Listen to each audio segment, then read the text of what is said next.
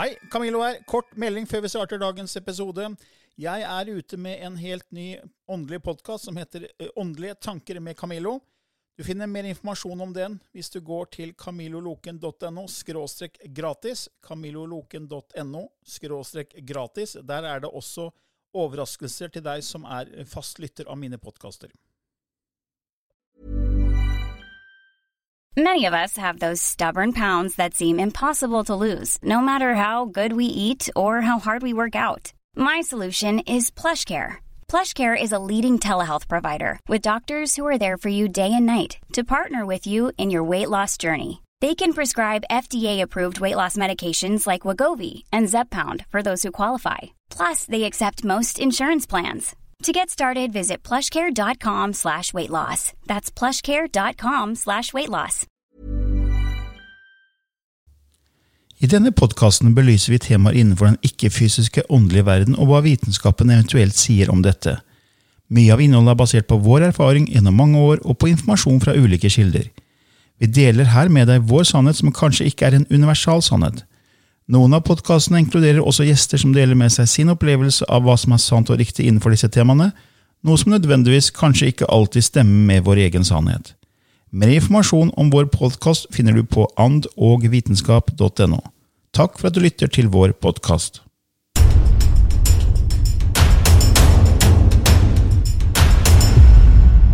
Hei og velkommen til en ny episode i Ånd og vitenskap. og Denne gangen er det med undertegnede Camillo Løken og gjest i studio Petter Grindal.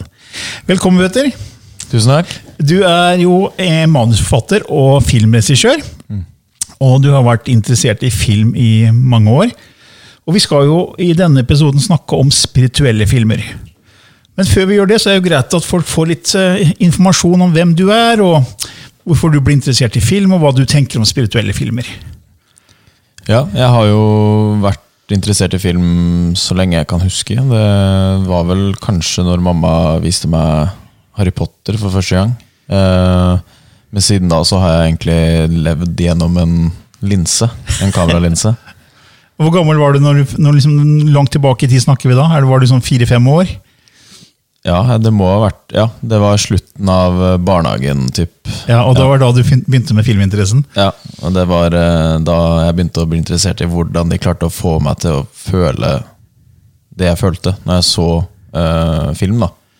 Og jeg ville finne ut av hvordan de gjorde det. Og det var gjennom Ja, det var da jeg ville klare å gjøre det selv. da. Og få folk til å føle ting gjennom en skjerm, på en måte. Så siden det så har jeg liksom sett livet gjennom en linse, da, føler jeg. Jeg ser film hele tida, og tenker film hele tida. Så det er når du liksom ser eh, også andre filmer, så tenker du hvordan de laga filmen? ja, ja, det, du blir jo egentlig litt sånn yrkesskada når du jobber med film, fordi du klarer ikke å Ja.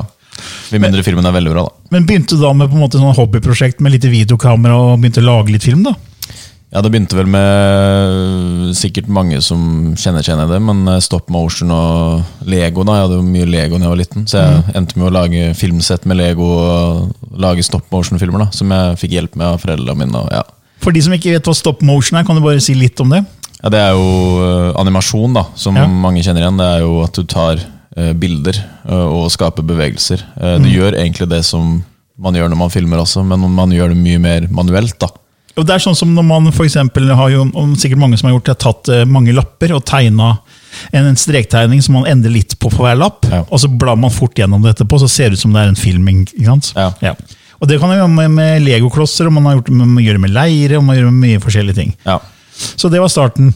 Det var starten, og så fikk jeg vel tak i et eh, videokamera hjemme, og så har jo foreldrene mine hjulpet meg, da, eh, lagd film med meg og lært seg redigeringsprogrammer. Eh, Pappa og jeg satt og klippa en film vi hadde laga, og brente den på CD og viste den til familien. Og det, ja, vi har liksom eh, Så jeg har fått mye hjelp, da. Ja, også, Men når var det du liksom virkelig begynte å tenke at dette er han har lyst til å drive med hele livet mitt? liksom? At det liksom ble en sånn tanke om at eh, det skal bli et yrke? Det, var, det forma seg vel mye i løpet av ungdomsskolen. Da jeg møtte eh, en kompis da, som jeg nå jobber med, eh, som også var interessert i film. Og det var da jeg skjønte at det fins flere som er interessert i film rundt meg. Og Det var, vel, det var jo da på videregående da, hvor jeg søkte medier og kommunikasjon. Hvor jeg liksom tok det steget. da, Hvor jeg liksom, nå skal jeg satse på det her. da, på en måte. Men du var, ikke, du var jo også på en måte litt skuespiller, for du var jo med i Fredrikstad barne- og ungdomsteater. Ja, Så du fikk jo liksom, du, du var på en måte i Selv om ikke det er film, så er det jo på en måte i samme sjanger. da. Ja. Det er Ja, en formidling. Jo, ja, altså det var jo mye gjennom det òg, hvor inspirasjonen kom. Vi var jo litt statist på noe filmsett, og det var da jeg liksom ble stående bak eh, kamerautstyr og bare stå og stirre. Eh, og glemte nesten at jeg var statist. Så det var liksom gjennom mye kultur og ja. Men fikk ikke du også en mulighet til å være med på sett til den første lange, flate ballefilmen til Harald Svart? Jo, det var nummer to. Nummer to var det. Eh, Ja, det var mamma som eh, selvfølgelig eh, sendte mail da, til ja. Veslemøy. Ja, Kona til Harald Svart? Ja, Ja. og spurte om det var mulig, for de skulle filme på verksted. Verst i Fredrikstad, ja, på Kråkerøy. Uh, og da fikk jeg lov da, til å komme ned dit og egentlig være flue på veggen og henge litt med Harald uh, bak. Og da var du, Ja. var du ti år? Ni-ti år? Ja, jeg tror jeg var Ja, det må ha vært det. 2008. Ja. Ja, og da var det liksom, det var sammen med liksom Haraldsvar, som da hadde allerede et navn? ikke sant? Ja, så da fikk jeg liksom se hvordan et litt større film, og seriøst filmsett ble til. Da, og da møtte jeg jo, eller møtte og møtte, jeg fikk jo øyekontakt med han, eh, han eh, skuespilleren. Han, eh, hva heter han? da? Don Johnson. Don Johnson var med i Lange flate baller 2, ja, stemmer det. Ja, Så det ga ja, inspirasjon? At det liksom Mye inntrykk. Og da var det liksom ok, dette er, dette er spennende. Dette har jeg lyst til å drive med. Ja. Så det har egentlig bare vokst siden da, og ja, bare fortsatt å dyrke det. Ja, Så møtte du da en, en kompis på videregående, sa du. Som da gjorde at du begynte å skjønne at det er kanskje mulig å drive med film. Ja. Uh, når jeg kom inn på videregående da, så begynte Me Medielinja, da. Ja, medielinja. Så begynte jeg å skjønne liksom hva som må til, kanskje, eh, gjennom de tre åra. For det, eh, medier var ikke en linje med fullt av ildsjeler. Det var også mye folk som ønska seg tre rolige år. Eh, men så Ja. hadde vi hadde det jo oss, da, få, som hadde tenkt å satse på det her. Da, Ja. da lærte jeg liksom Da møtte jeg en del folk som jeg fortsatt jobber med i dag, som vi, ja, vi matcher veldig godt. da Eh, Eh, og det var da jeg skjønte liksom hva jeg ville. Uh, og det, det var rett etter videregående hvor ting virkelig begynte. da. Men også mm, fikk du etter hvert jobb Jorge, i, i, i et firma i Oslo. Ja. Som jobber med å klippe store TV-serier og filmer og litt forskjellige. ja. Men hvordan, hvordan kom du inn der? Du, for du ville ikke ta utdannelse innen film og media? Altså, jeg hadde søkt eh, jobb på Ekspert, eller Power, etter videoene, for jeg visste ikke hva det neste steget mitt var. Eh, Men så fikk jeg høre om muligheten til å være lærling i en bedrift som søkte lærlinger. da. Ja. Og jeg ringte eh, han som drev det firmaet med en gang, og spurte om en samtale. Og så møtte jeg de i firmaet, og så fikk jeg jobb dagen etterpå. Eh, Og da, måte, da visste jeg hva som skjedde de neste to åra, Ja. trodde jeg. Eh, og det var da jeg havna i Oslo og jobba med alt av reklame, promo eh, Ja, Du klippa jo store TV-serier fra, fra NRK, sånn som Exit. Ja, eller jeg var i hvert fall klippeassistent, så jeg holdt i ganske mye i etterarbeid. da. Jeg var liksom leddet mellom filmsettet og klipperne. da. Og fikk prøvd meg mye på klipp uh, her, litt her og der, men jeg først og fremst fikk mye erfaring med hvordan ting funka da, i etterarbeid. Så det var, for meg var det liksom tre Jeg jobba vel der i tre og et halvt år. Eh, Og Da gjorde du også noen prosjekt for Harald Svart. gjorde du ikke det? Ja, det var der jeg møtte han igjen. da Ja. Uh, Og da sendte jeg han bildene fra, som mamma tok på settet i 2008. Da- Når du var ni-ti år. Ja, Ja. Og da sendte jeg det til han, og da var vel egentlig det det eneste intervjuet jeg tenkte å gjøre med han. Og bare sende de bildene. Og da var det bare Fikk jeg masse å gjøre. Han kasta meg på masse småprosjekter her og der. Fikk testa meg litt, sikkert. da eh, Og så satt jeg oppe natta lang når han var i LA, og jeg, tidsforskjellene var Ja, ja, store. sånn, ja, ikke sant? For han har jo huset i Los Angeles. ja, så da satt jeg oppe på natta og gjorde masse greier for han. Og det, så der dyrka vi liksom det samarbeidet, da. Eh, Så det var veldig, veldig fint, egentlig. Og så gikk du jo videre, og etter å ha vært og jobba der som klipper og lært masse om det å kunne klippe film og redigere film, så, så begynte å jobbe sammen med de kameratene fra videregående. Så de drev et firma i, i, i Moss, som, Ja. som før het Blackbox, men som heter Frame nå. Ja, Black-film, Det er Black-filmen, Mm. ja. Altså, etter jeg jobba i Oslo, så jeg jo, skulle jeg jo egentlig begynne der, men så fikk jeg jo en mulighet fra Harald eh, til å være regiassistent på Langflot Ballett 3. Og da måtte jeg jo på en måte ta den muligheten. Og det var da de var vel seks måneder totalt jeg jobba på det prosjektet. Eh, Og da fikk jeg virkelig lært meg hvordan det er å jobbe i turbulent eh, Filmmiljø. ja, da, og det å være i regi, hvor mye ansvar det er, hvor mye er det å tenke på. Da fikk jeg liksom en seks måneders mastergrad, nesten. altså i- intensivkurs. Ja. Nei, så det um, Så før jeg begynte å jobbe hos gutta, så, så fikk jeg den muligheten. da Og når jeg begynte hos eh, kompisene mine da, som drev firma, og driver firma, um, så var jeg på en måte en mye sterkere ressurs. da eh, Både mentalt og hva jeg hadde kapasitet til å få til. eh, ja, Jeg hadde liksom endra meg veldig mye da på seks måneder. Du lærte mye på, den, på, den, på det prosjektet med, med Harald. Ja. Så, så Frame-gutta driver jo med produksjonsselskap. Det er jo Thomas og Magnus som er dine barndoms- eller kamerater fra, fra videregående. Og, og jobber med reklamefilmer og eventbransjen og de type ting. Så er, du lager jo sånt nå. ikke sant? Eh, Men eh, så har jo da etter hvert eh, også fått interesse for spirituelle filmer.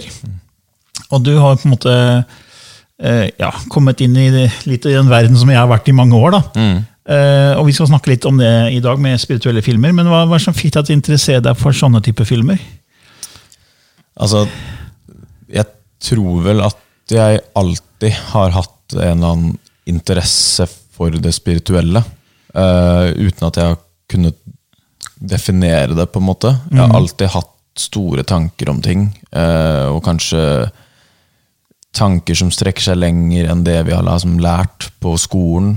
Spesielt i naturfag. Jeg husker liksom på ungdomsskolen, når vi lærte om universet, så ga ting aldri helt mening for meg, det vi lærte. Det, det var liksom Det at det fantes en grense på ting, ga liksom ikke et mening. Jeg tenkte alltid større enn det vi lærte. da Og klarte ikke helt å gi, det, liksom, gi slipp på det. Eh, Og jeg tror det har liksom vært en del av alle ideer jeg har hatt når jeg skriver manus.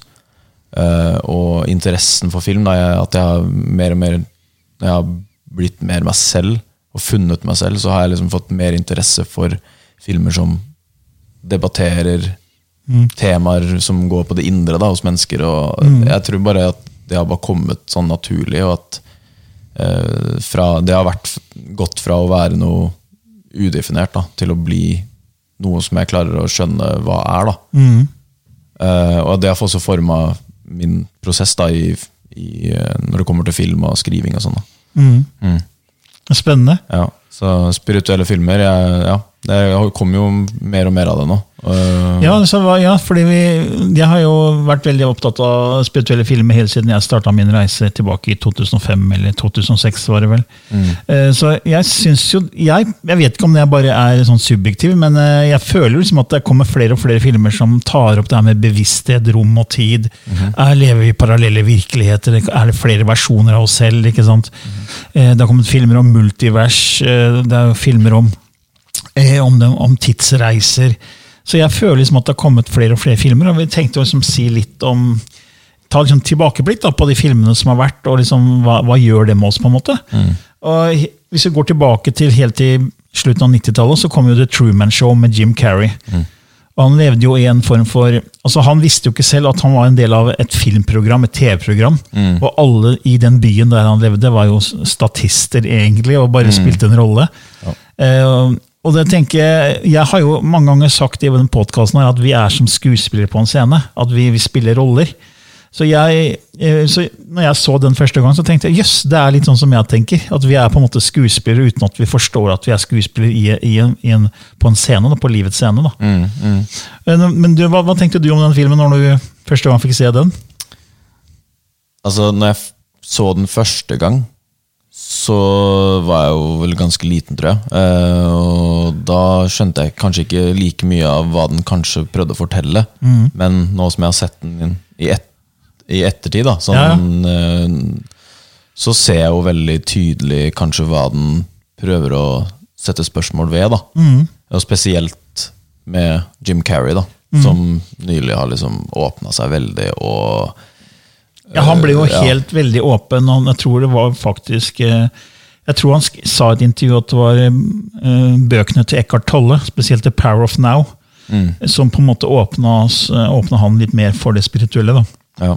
Så han er jo veldig spirituell, og han sier at den største rollen jeg har spilt i livet mitt, er Jim Carrey-rollen. Så, han- så han er jo litt sånn som han, han skjønner liksom at han er på en måte i et Truman-show, Ja. som Jim Carrey. Ja. Eh, på ekte, på en måte.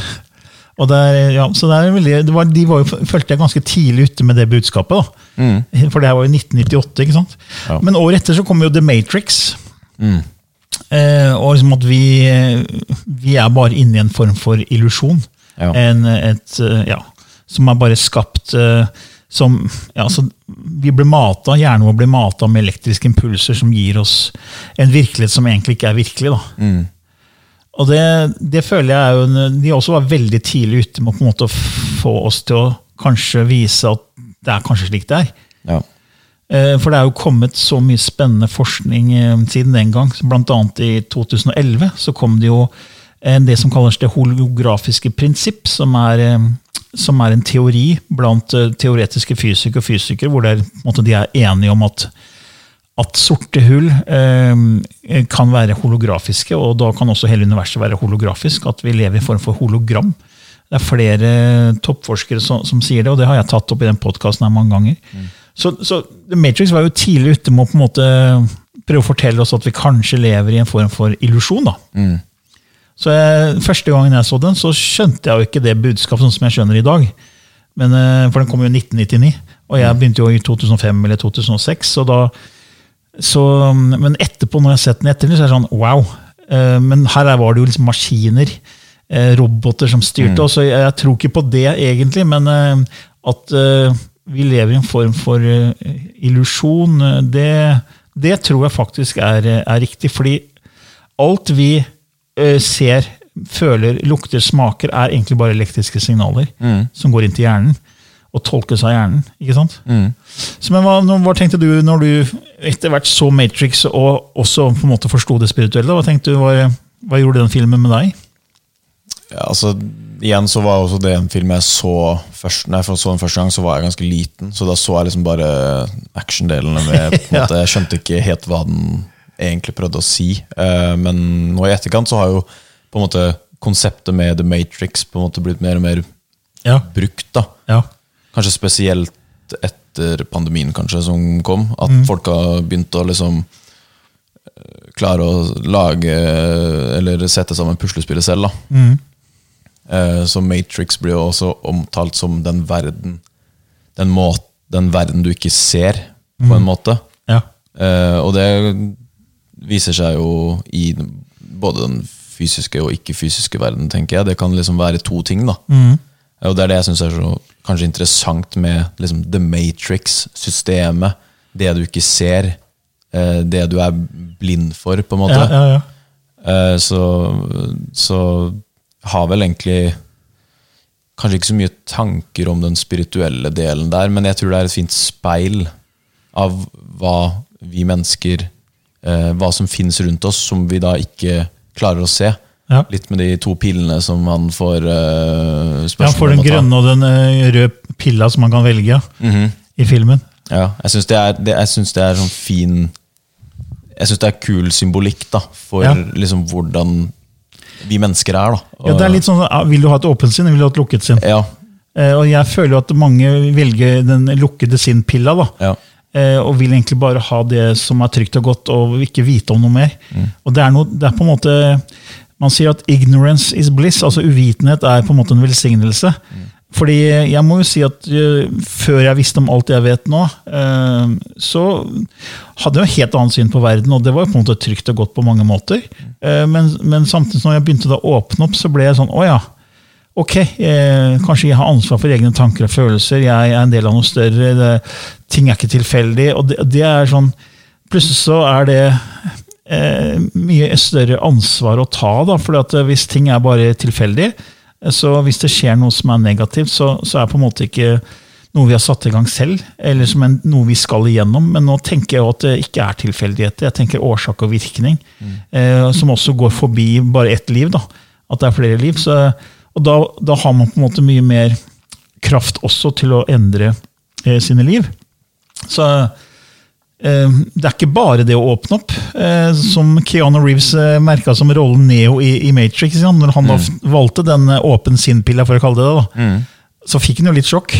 Eh, hva han egentlig så. Så, det er, så det, det, det er, eh, man skal være litt forberedt på det òg. At det er, det er mye mer enn man tror.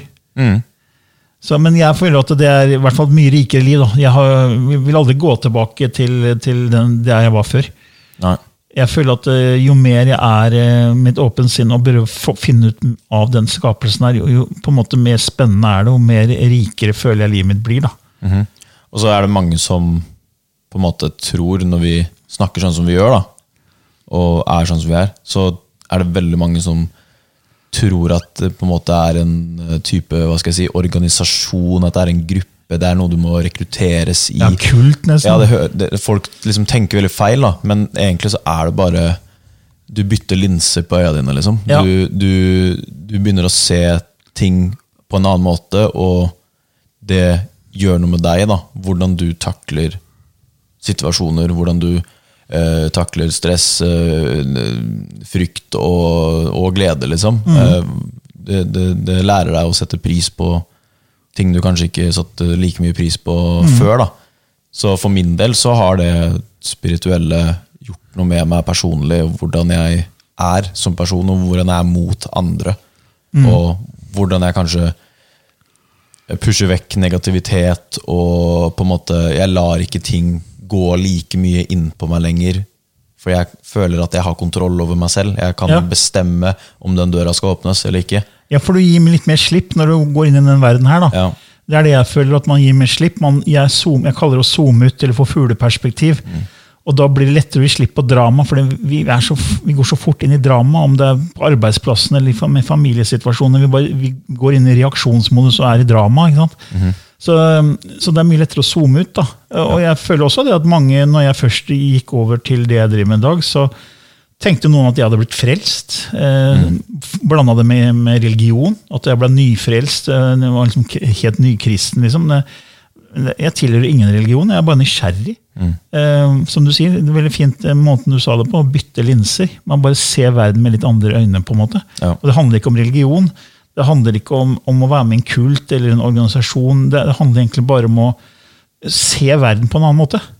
Eh, og da tar man også mer ansvar for tanker og følelser, fordi man, man kan velge hvordan man skal reagere, eller egentlig respondere da, i, i de situasjonene som kanskje kan, kan gi negativitet. Da. Ja.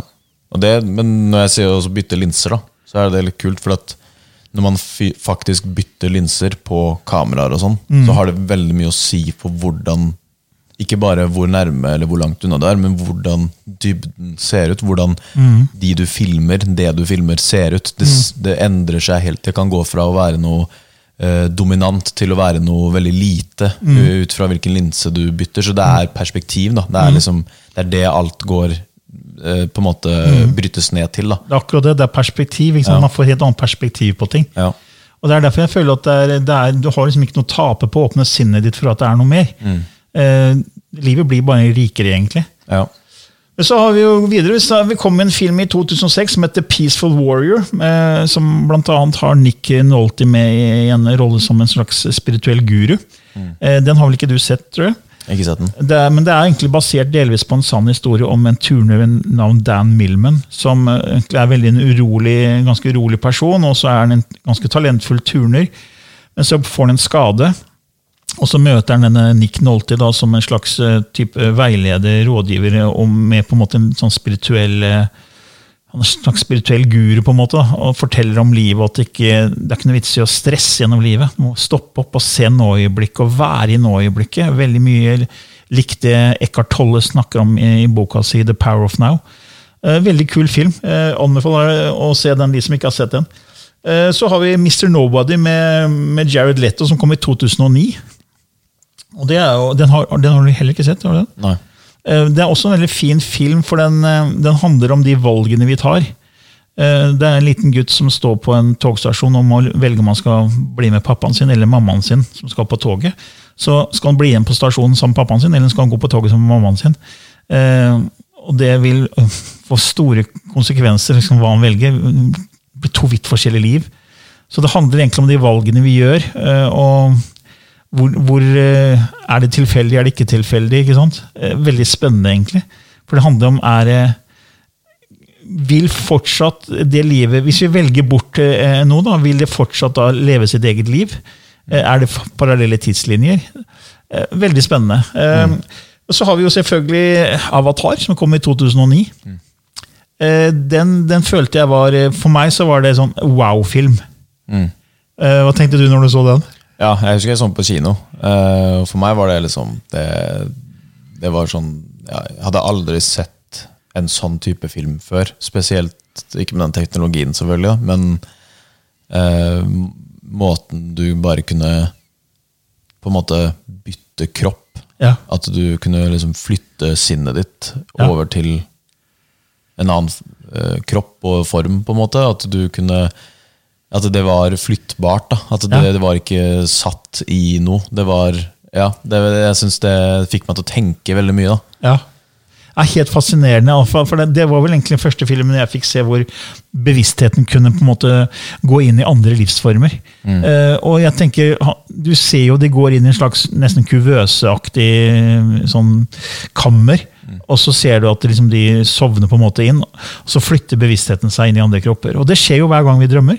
Vi er jo i drømmeland, og mange tenker ja, men det er bare noe hjernen produserer. Men hva om det ikke er det? Hva om faktisk bevisstheten vår er i andre plan, dimensjoner, steder? enn Når vi drømmer. Eh, Det er mange som sier det. Vi har jo snakka om det også i den podkasten. At det, eh, det, vi tror det finnes andre parallelle virkeligheter, og at eh, det fins Kall det eh, den andre siden, som mange bruker som uttrykk. At eh, det er der folk, eller eh, vesener, som ønsker å kontakte med oss, og da kan det å gå via drømmene være minste motstands vei. Mm. Så det å se en sånn film hvor man tar opp at bevissthet kan flyttes, det var for meg var helt fantastisk. For jeg hadde jo lest veldig mye om nær døden-opplevelser og sånn, eh, faktisk før den filmen kom. Og der hører man jo om folk, folk som på en måte ikke har eh, altså De har blitt erklært død, kroppen er død, hjernen er død. Det er ingen aktivitet i hjernen, og likevel så er de bevisste og fortsetter sin reise. da. Og så kommer James Cameron med Avatar og på en måte tar opp det bevissthetsmuligheten der. ikke sant? Det var ja, helt enormt. Ja. Nei, jeg, det fikk meg til å tenke mye på liksom, meg selv og hva jeg Hva er jeg, på en måte? Når Ja, hvis, Ja. du, bare, hvis, hvis du kan flytte bevisstheten, så hva er kroppen din nå? liksom? ja, sånn, Hva er bevisstheten? Hva Det at hjernen er liksom kjernen av hele meg. Alt jeg gjør, alt jeg gjør og ikke gjør, er liksom Det er hodet og bevisstheten da, som på en måte bestemmer, eller ja. Ja. Og så, det, det er så rart. Det, så, det, kan, det bare vokser seg større og større jo mer man tenker på det. Og så er det på en måte du, du, Det fins ikke noen grenser. da Nei, det er akkurat det, for jeg ser jo på kroppen som en slags fartøy. da. Og Det er, sånn, det er akkurat som en bil. Liksom. Hva skjer hvis bilen bryter sammen og ikke går lenger? Ja, Da går jo føreren ut av bilen og finner seg et annet fartøy. Eh, Kanskje han går på bussen eller tar en annen bil eller uh, får haika med, med noen. ikke sant? Det er sånn, uh, Man bare flytter seg uh, til et annet uh, fartøy. Ja. Og Det er det jeg tror skjer når vi dør, og at vi bare fortsetter å, å komme inn i nye fartøy hvis vi skal tilbake i reinkarnasjon og alt det som har snakka i denne podkasten. her. da. Ja. Det var en utrolig flott film av James Cameron. Og så kom vi til eh, en film eh, i 2010 som eh, jeg vet du, eh, det er laget av din favorittregissør, nemlig 'Inception' av eh, Nolan. Ja. Eh, ja, ja, du kan jo si litt om hvorfor du er så fascinert av filmene til Nolan. ja, altså Nolan har på en måte Jeg kan ikke huske når jeg egentlig ble eh, så fascinert av han. Men jeg husker veldig godt Inception uh, når jeg så den på kino eh, med kompisen min. Og jeg, jeg, jeg bare husker at det, det var liksom første gang jeg virkelig Når jeg gikk ut av en kinosal og bare Hva så jeg for noe nå? Ja. Liksom? Hva eh, Og for, ikke glemme å nevne, da, lydmiksen, og han lager jo film på en helt spesiell måte. Du må dra på kino for å se filmen hans. Ja, Det- Christopher Nolan er helt rå. Ja. Det er helt enig i det. Petter. Det, er, Mm. altså, det han tok opp var jo, altså Leonardo DiCaprio spilte jo hovedrollen. Mm. Men han snakker jo om nivåer av bevissthet ikke sant? Mm-hmm. i sinnet. Og vi, vi er med på en reise som bare er utrolig spennende. Så det er jo actiondrevet. Mm. Men det er jo på en måte det her budskapet med at vi har mange lag av bevissthet. Mm. Eh, og, og der endrer tiden seg også. Ja. Eh, og jeg synes det var helt fantastisk laga. Han var jo flink til å på en måte vise eh, mange nivåer av bevissthet samtidig, hvor han klippa inn at vi så forskjellige, de forskjellige nivåene hvor han klippa i hverandre. Da. uh, ja. Ja, han er jo veldig interessert i uh, Helt tydelig, da. Uh, interessert i hvordan alt rundt oss fungerer. Hvordan vi fungerer. Og det å på en måte sette spørsmål ved det. da Det med tid og bevissthet. Hvordan, hvordan alt henger sammen. Og hvordan eh, Jeg syns bare han har gjort han, han gjør det på en veldig intelligent måte. da Han, han klarer å lage en film som underholder folk som kanskje ikke er veldig interessert i temaet. Men han klarer å lage en sånn slags balanse, og kanskje Jeg syns kanskje han har normalisert eh, det spirituelle, kanskje, eller de temaene da, som vi snakker om eh, her nå. da. Ja. Eh, han har liksom klart å trekke til seg hva skal jeg si, de, um, de ignorante også, Ja. kanskje. Ved at de drar inn og ser, de forventer å se en eh, actionfilm, men så ender de med å gå ut av salen og ha helt andre tanker og spørsmål kanskje da, enn hva de forventa. Mm. Og det gjorde han jo samme, for jeg kan gå videre til Interstellar, som også er en Richard eh, er Christopher Nolan-film, som kom i 2014. Og der introduserer han begrepet femtedimensjon. Eh, og det er jo også rom og tid, hvor han snakker om sorte hull. og, og han har jo en hjelper som heter Kip Thorne.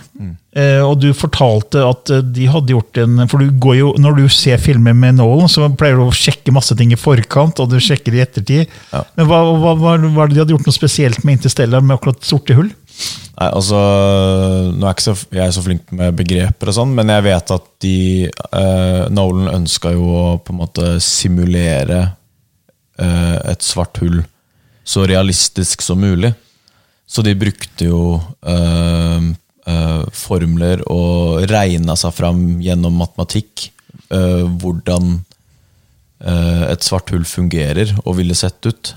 Så de som lagde eller VFX og CGI Ja, så, eh, ja sånn effektsdelen av filmen, ja. ja, de brukte regningene, eller de um, ligningene, Ja.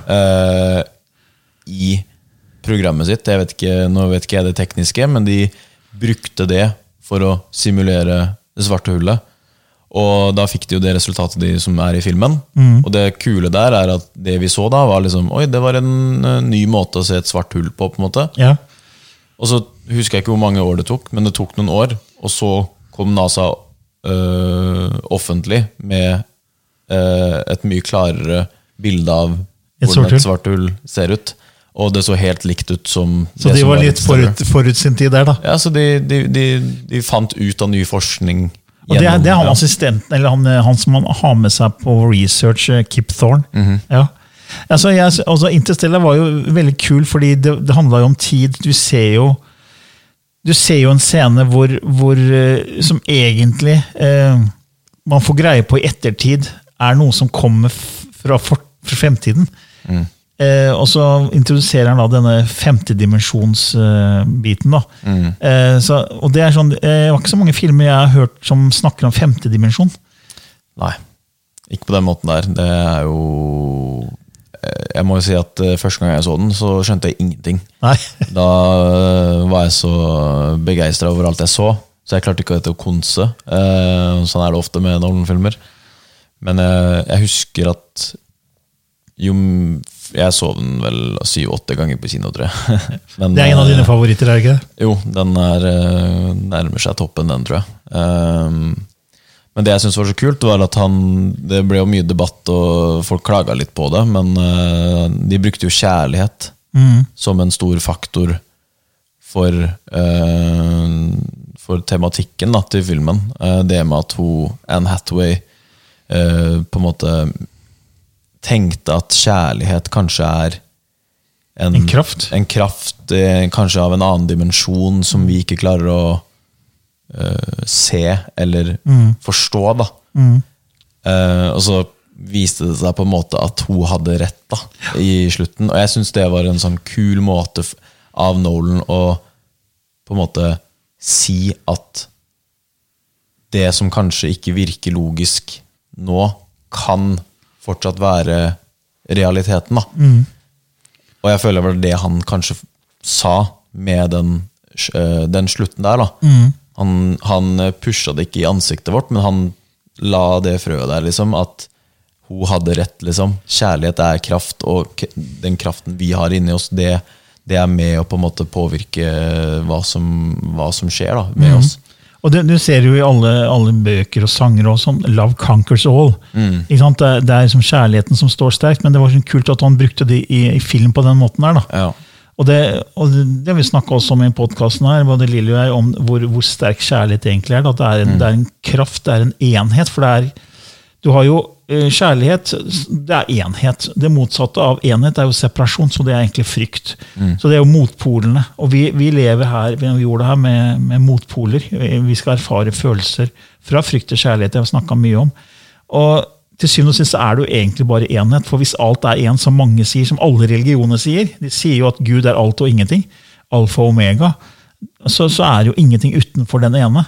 Og da er, da er det ikke noe separasjon, da er det ikke noe frykt. Da er det egentlig bare kjærlighet. da. Og så kommer Nolan på en måte prøve å vise oss at det er det som er nøkkelen egentlig til, til å altså bryte grenser og til, til å nå det du ønsker å nå. Ja. Det tror jeg er helt riktig. og det, er, det stemmer også når du tenker på de måla du ønsker å nå. da. Hvis du har passion, lidenskap og har med deg kjærlighet til det du ønsker å oppnå, og at du skaper ikke bare for deg selv, men for andre, så ser du at det er mye lettere å nå de målene. da. Ja. Så passion, lidenskap og kjærlighet det, det som er en sterk kraft.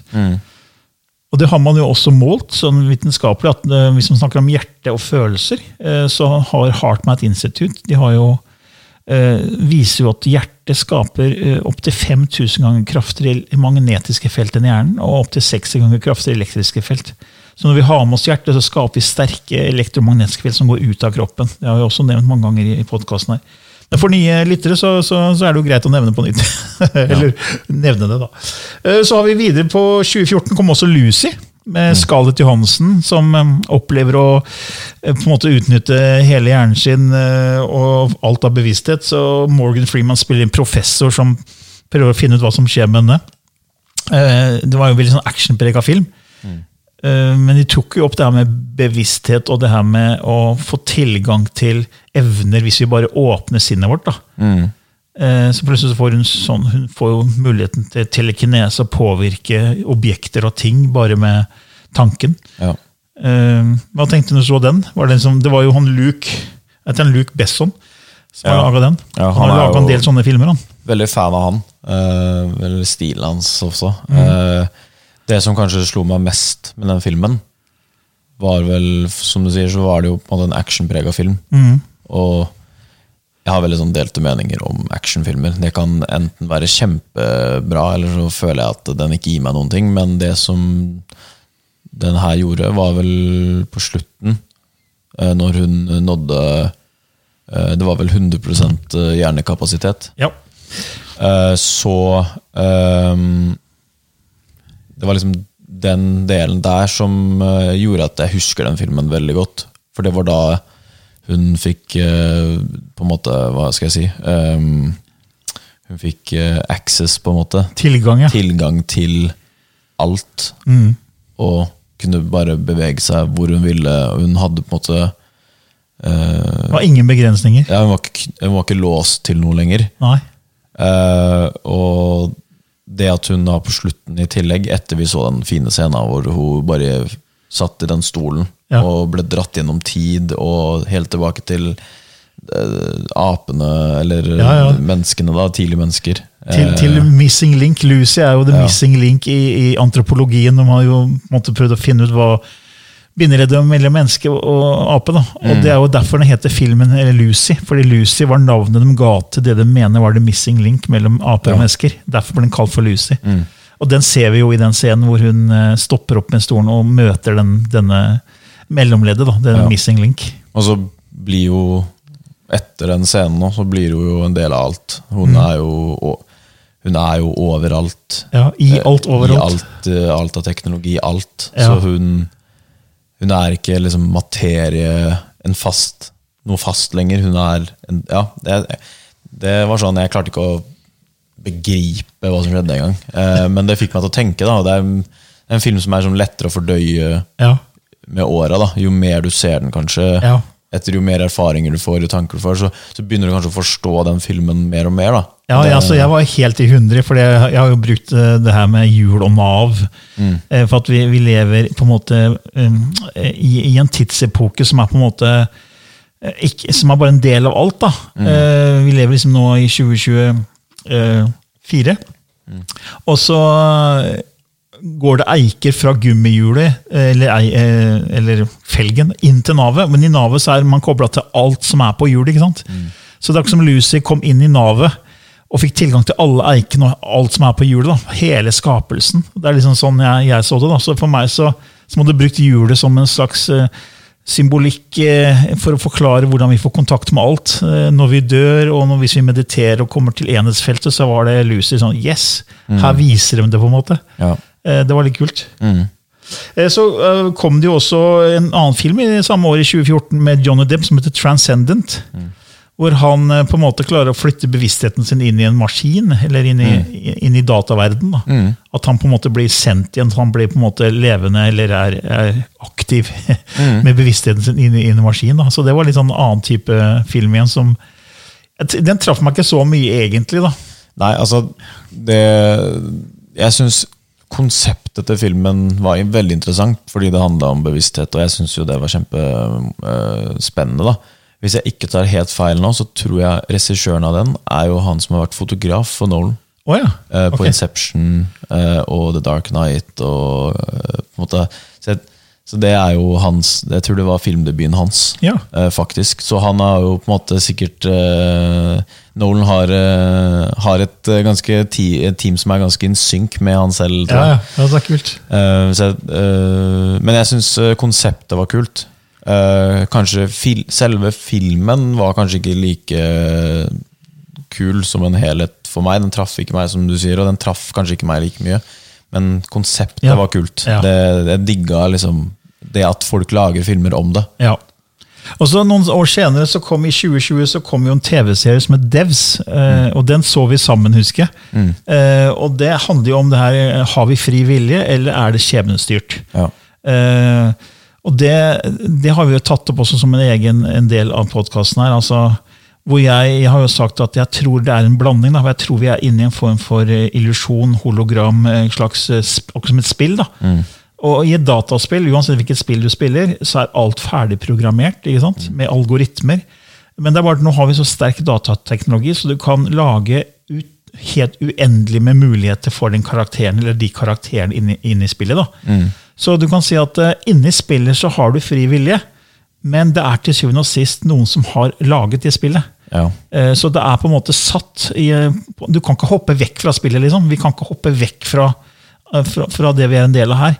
Så vi har fri vilje innenfor visse rammer. Sånn, sånn er jeg tenker da. Og det tok jo liksom Devs opp det med eh, fri vilje kontra skjebne. da. Mm.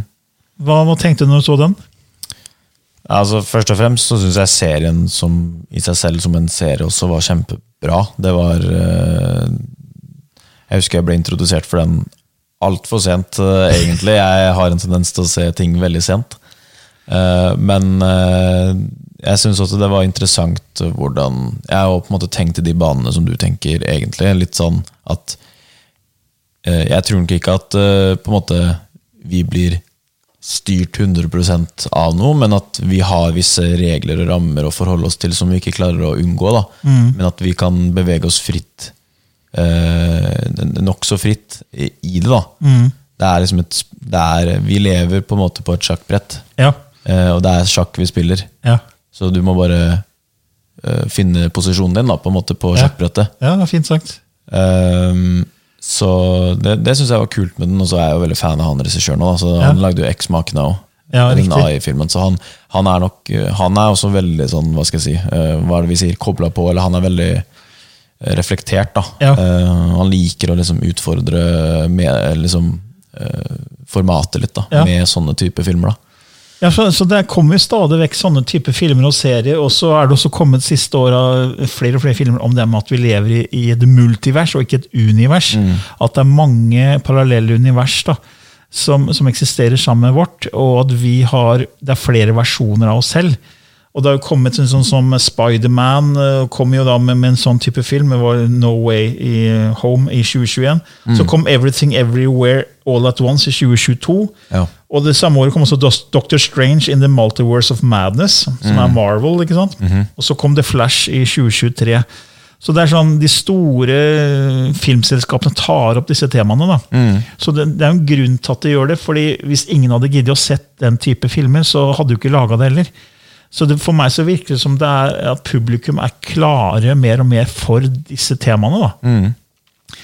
Uh, og det er sånn uh, ja, fordi at det er, det er jo ikke, Før så var det jo mye mer action adventure, og sånt, men her kommer vi inn på bevissthet, rom og tid, som er på en måte lite utforska.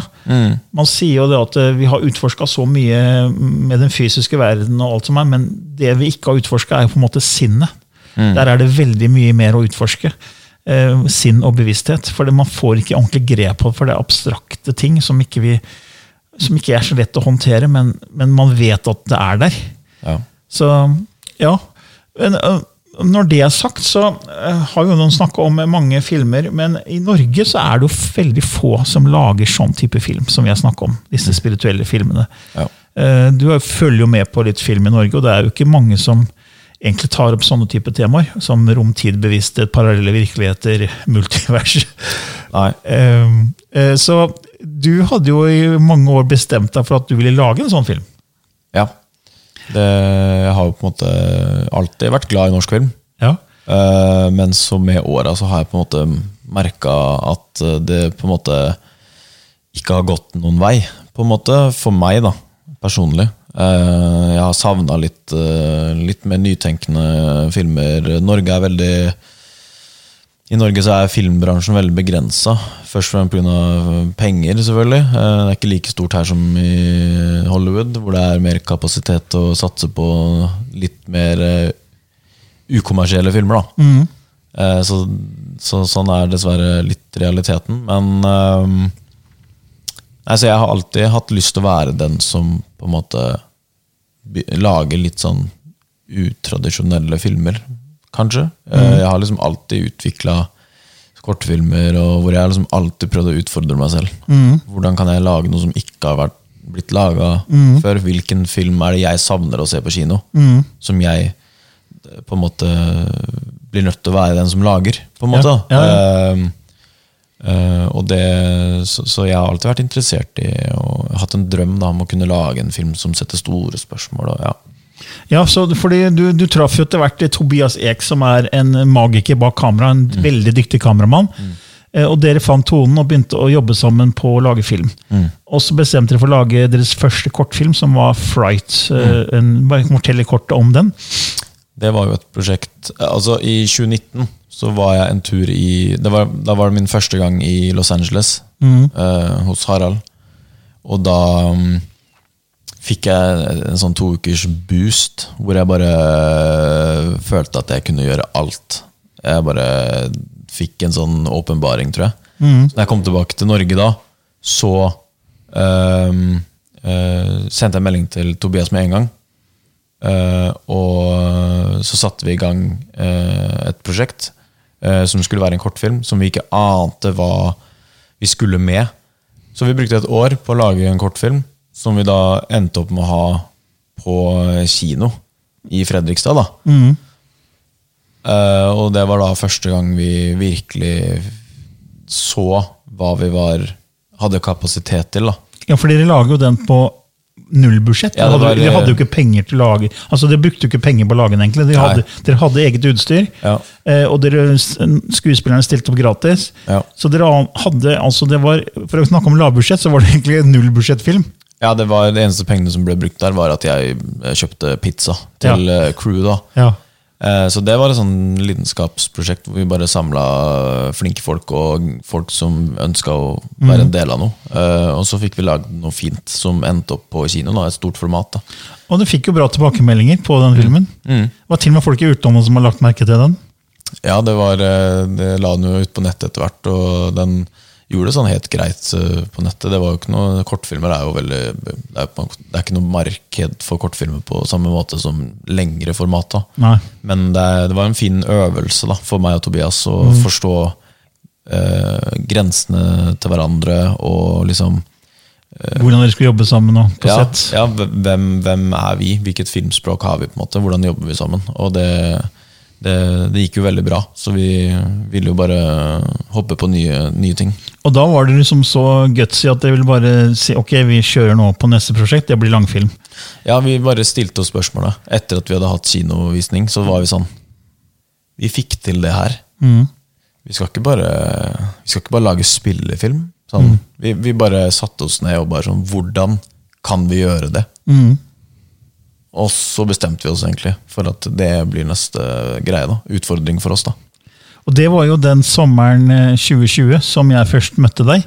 Fordi eh, de av de lytterne som ikke vet det, det Petter er eh, kjæreste med min datter Eva Karina. Eh, Så han kom inn i familien vår eh, eh, sommeren 2020. Eh, Og, det, eh, og Petter fortalte om å jobbe med film, og det var jo musikk i mine ører. For det har jo jeg vært interessert i helt siden jeg var guttunge. Første gang jeg fikk se levende bilder inn i en boks, som vi kalte fjernsyn, det var, det var noe magisk. Det tror jeg alle på min, de som vokste opp på den tida der, da, 60-70-tallet, er helt enige om. Å se levende bilder inni en boks hjemme i stua, det var, det var stort. altså. Og så husker jeg 1972 så kom farge-TV. Og det var, eh, altså det var, da var det så ekte. Eh, og det var ikke noe bra TV sånn som det er nå. Det var en sånn svære, klumpete bokser som sto i stua. Men det var bare sånn wow! Og så husker jeg vi hadde tre kanaler. Det var NRK1, eller NRK, og så var det Svensk TV1 og Svensk TV2. Så begynte sendinga på NRK det begynte fem på seks. Fem minutter med nyheter, og så kom barne-TV. Mm. var, jeg ble dratt inn i verden til Pompel og Pilt og Korolgol og Pernille og herr Nelson. og Det var sånn helt stort. Altså, helt siden den gang så jeg var sånn fascinert av, av film da, og, og det her med TV. Og etter hvert video. da. Eh, Og Jeg husker jeg, jeg har jo skrevet en bok som heter 'Hva grunnen til at noen lykkes og andre ikke'. Og Der intervjuet jeg jo Harald Svart eh, tilbake i 2014. Og Da fortalte han også det at han ble så fascinert av film når han vokste opp. Da, at det var sånn, Når han fikk se liksom, levende bilder i en boks, så sa han dette her skal jeg jobbe med. liksom. Det var sånn instant passion. liksom. Så, men så fortalte jo du etterpå at du hadde kunnet tenke deg at du og Tobias hadde laga kortfilm, og at dere hadde lyst til å lage en langfilm, og du visste egentlig hva den skulle handle om. Og at det var, du ville gjerne lage en film om parallelle virkeligheter. Og ja, Fortell litt om det. Hva, hva, hvor kom det fra? liksom? Nei, altså Det er jo noe med når man lager film, eller skriver, da. eh, Når man skriver selv, så har man etter hvert visse eh, instinkter da man eh, får når man sitter og idémyldrer. da. Så jeg merka liksom veldig fort at jeg Hver gang jeg begynte å skrive, så bevegde jeg meg liksom automatisk mot sånne temaer. da. Parallelle virkeligheter, bevissthet, eh, universet, ting som ikke blir snakka om. Jeg har liksom alltid vært interessert i det. da. Eh, Så, så det var liksom en sånn drøm som jeg hadde lyst til å eh, kaste meg Eller strekke meg mot. da. Um, så jeg, Det var liksom første tanken min når vi bestemte oss for å lage spillfilm. At jeg vil bevege meg på et sånt tema. Og det var jo egentlig før vi begynte å prate i det hele tatt ordentlig, tror jeg. mm. Så hadde jeg på en måte Du hadde bestemt at det skulle ja, vært sånn, ja, På innsiden så hadde jeg liksom Det var drømmen, da. Mm. Så da var det morsomt at uh, vi møtte hverandre da. Ja, fordi jeg, når du fortalte meg det, så, så gikk det av et fyrverkeri inn i huet mitt. Fordi det ikke du visste, var at jeg da har i 15 år den gangen, da, og nå er det vel 18-19 år, eller 18 år er det vel jeg holdt på, så har jeg vært lidenskapelig opptatt av temaer som bevissthet, rom, tid, parallelle virkeligheter, multivers, alt det greiene her. da. Skrevet bøker om det, og laget podkast om det, har øh, holdt hundrevis av foredrag rundt i Norge, og jeg har vært i USA og holdt foredrag om det. Og jeg gikk jo med en hemmelig drøm om at hvorfor ikke få det her ut på film også? Men jeg kjente jo ingen. altså Jeg visste jo hvem Harald var, og jeg intervjua jo Harald i 2014. og han, Han vokste jo opp i nabohuset til der min bestemor bodde, så jeg visste jo hvem han var, for vi var på hils over, over gjerdet og sånn. Eh, og faktisk så bodde vi i det huset først eh, ved siden av bestemoren min, og så kjøpte familien til Harald det huset, så vi har bodd i samme barndomshjem. da. Men i hvert fall så, så var jeg liksom på hils på han og visste hvem han var, så jeg fikk intervjue han til den lykkesboka mi, og da, da pitcha jeg litt det her med, med at jeg har skrevet en annen bok som heter Skapelsesparadoks, og der tar jeg for meg veldig spennende temaer, og det ser ut til å være mer interesse for sånne filmer om bevissthet, rom og tid, og jeg prøvde å pitche litt for han. da. Eh, Men det her var etter at han hadde hatt en konsert eh, altså Han er jo en dyktig pianist. Hatt en konsert med faren sin i Fredrikstad domkirke, så han, han var litt sliten. Så jeg, jeg tror ikke det her gikk helt inn. Han ga liksom ikke noe gjenklang. Så tenkte jeg ok, det er kanskje ikke han som skal hjelpe meg med å få, få den drømmen ut i virkeligheten. Og seks år senere så kommer du inn i familien, og, og så har du en, den samme drømmen. da. Og det er jo eh, veldig merkelig altså, at det skulle være tilfeldig. Så jeg fikk Jøss, her er det altså to drømmer som passer sammen som hånd i hanske. Og så kunne jeg veldig mye om det som du hadde lyst til å lage film om, og du kunne mye om å lage film, så her var det naturlig at vi kunne jobbe sammen. da. Og det ble jo starten på den filmen som kommer på kino i år, antageligvis i august-september, som heter Untied. Da var det da det starta. Du og Tobias hadde jo allerede bestemt dere, men du hadde liksom ikke kommet i gang med manus. Men nå fikk du jo muligheten til å gjøre det. Og jeg må si at det har vært helt fantastisk spennende å jobbe sammen med deg. Um, og vi kan jo kort si litt om hva Antide handler om, uten Ja. å røpe for mye. Ja. Det er jo Det handler jo om en uh, karakter som går gjennom en uh, ganske vanskelig prosess i livet etter, at, eh, etter tapet av eh, en, eh, en eh, nær person. Og det er jo en veldig mental film, da, som går gjennom hans mentale prosess. Etter søk eh, av aks aksept, da, etter det som har skjedd. Så det er jo på en måte en ja, Det er kanskje den beste måten jeg kan beskrive den filmen på uten å røpe noe. Det er at det er en reise gjennom en karakters eh, mentale på en måte reise mot aksept. Mm. Det er kanskje den eh, mest eh, anonyme beskrivelsen. Ja, er, Vi berører jo temaer som bevissthet, eh, rom, tid, eh, hjernebølger. Vi kommer inn på spennende temaer. Og det er, det er ikke laga en sånn film i Norge før, som vi vet om, i hvert fall. Eh, og jeg har jo eh, også Jeg, har fått, eh, jeg fikk jo en, den ene rollen i filmen, som er en professor, som heter professor Isaks. Som, som forsker på, på bevissthet og sinn. Som da er en sentral del av det som skjer med denne karakteren. da. Så jeg må si at det har vært helt utrolig spennende også å være med på det prosjektet her. fordi jeg er jo mer enn dobbelt så gammel som deg og andre, de andre som har bidratt til filmen. da. Tobias og du og, og Magnus og Thomas i Frame, som, som også er med og støtter filmen. De, det, det er jo liksom eh, 6-27 år, og jeg nærmer meg 60. Så det har vært helt fantastisk å føle på den ungdommelige mulighetsenergien som bor i dere. Også, og du har jo sånn glød og åpenhet for det du jobber med. Du elsker jo film. Og det har vært så gøy å se deg og Tobias på sett, fordi du vet hva du vil ha ut av hver scene. Du ser klippen i hodet, som du sier. Og Tobias er helt rå på å finne vinklingene bak kameraet. Han ser hvor skal jeg ha kamera, og hvordan skal jeg sette lyset. Så det, det her blir en meget høy kvalitetsfilm sånn, sånn teknisk sett. Men også manusmessig så syns jeg du har gjort en fantastisk jobb. Eh, Jeg, jeg har jo hjulpet deg på visse partier som har med bevissthet, rom og tid å gjøre, fordi det er det jeg kan mye om. Men du har jo skrevet eh, manus fra A til Å, og det, er, eh, det har blitt en kjempespennende historie. som, eh, som og jeg, jeg, jeg er helt sikker på at de som går og ser den filmen, kommer til å merke det følelsesmessig. Så selv om du er en vi følger på en måte sinnet og det mentale til, til karakteren, så er det en utrolig emosjonell film. da, Som kommer til å røre mennesker. Jeg er helt sikker på. Og Det, er, ja.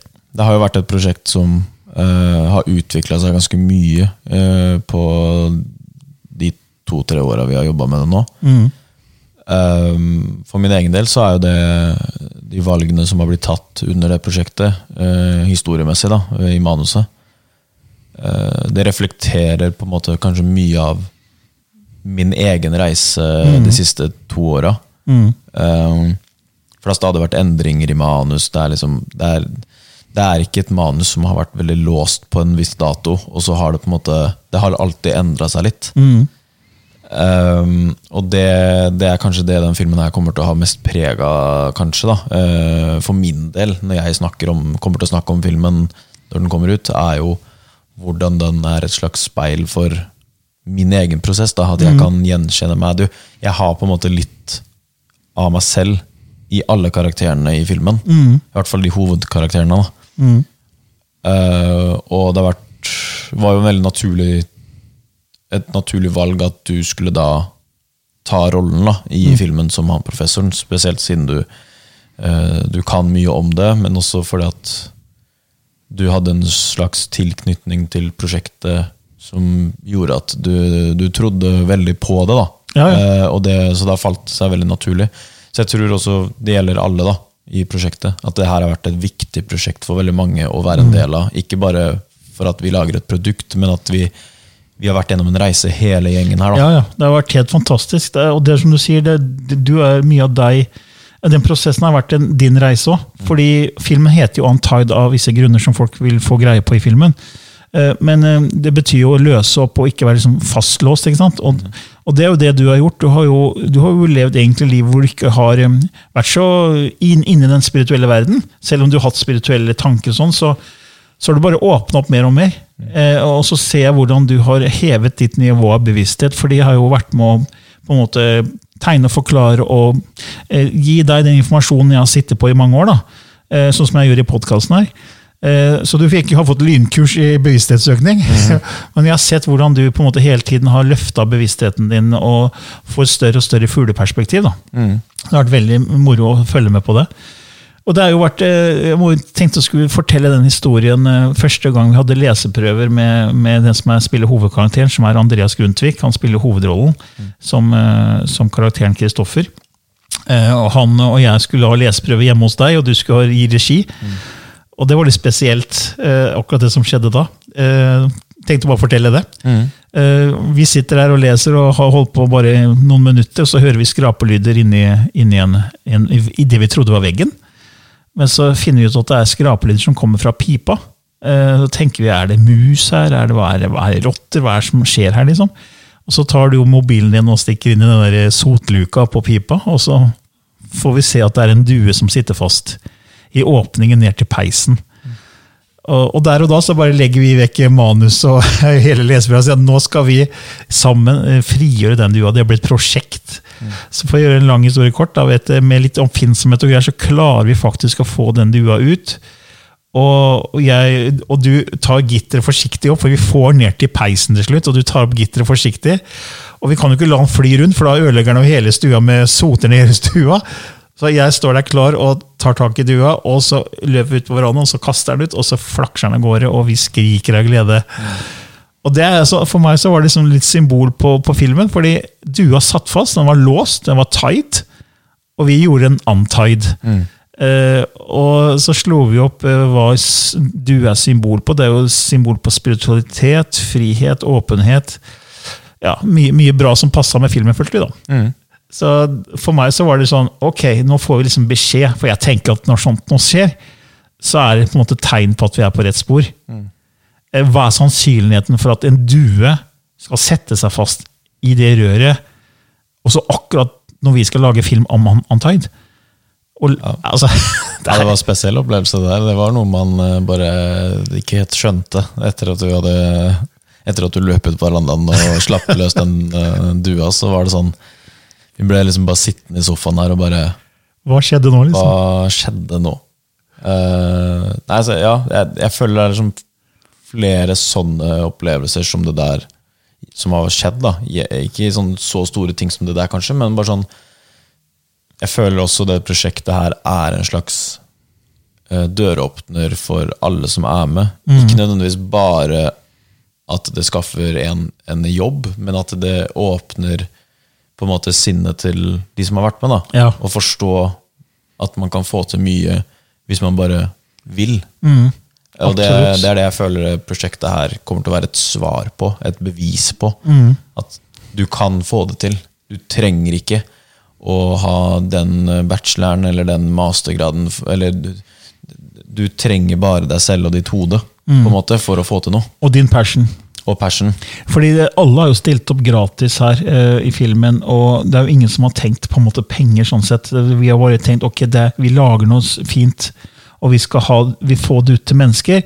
Og målet er å så et frø om at kanskje det her, det, at det er noe mer enn bare det vi kan se og ta på, at eh, vi kanskje er del av noe større.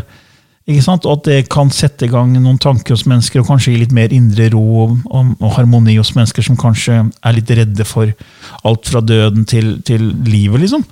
Altså, ja. Det, så jeg føler at vi har en veldig god intensjon med filmen, da. Ja. Og det har vi hatt fra dag én. Så hvis folk er interessert i å liksom vite litt mer nå, så kan de jo bare gå inn på untied.no. Der ligger en trailer som du har laga. Og du kommer til å lage en ny trailer etter hvert. Så Det var egentlig en av de første utkastene du har laga, men det kommer jo mye mer spennende etter hvert. Så målet er jo at uh, vi skal på kino i løpet av august-september. Ja, noe sånt. Noe sånt nå. Men før det så kommer vi til å søke oss og være med på filmfestivaler i Europa. Mm. Så det blir veldig spennende. Det blir veldig spennende vår, Mm, det det må jeg si. Ja. Ja, Er det noen sånn avsluttende ord du har lyst til å si om, om, um, om filmen? Nei, vil vel egentlig bare si at uh, det blir spennende å slippe filmen, og spennende å se og høre responsen fra folk. Hvordan folk tolker filmen. Hva den gir folk. Uh, litt fordi at den har gitt meg mye, og se om det gir andre like mye. Eh, og egentlig bare Det blir fint å få sluppet filmen og få ut uh, det som har blitt jobba med i fire år nå. Ja, da blir det jo fire år når den lanseres, så Ja. det har gått fort. Det har vært en spennende start, og så har det bare vært, eh, skjedd så mye underveis, og nå, nå er det ikke lenge igjen. Nei, det er ikke det. Nei. Ja, men Tusen takk for at du kom i studio, Petter. Tusen takk. Da sier vi ha det bra, så høres vi neste uke. Planning for your next trip? Elevate your travel style with Quince. Quince has all the jet setting essentials you'll want for your next getaway, like European linen, premium luggage options, buttery soft Italian leather bags, and so much more. And is all priced at 50 to 80% less than similar brands. Plus, Quince only works with factories that use safe and ethical manufacturing practices. Pack your bags with high-quality essentials you'll be wearing for vacations to come with Quince. Go to quince.com slash pack for free shipping and 365-day returns.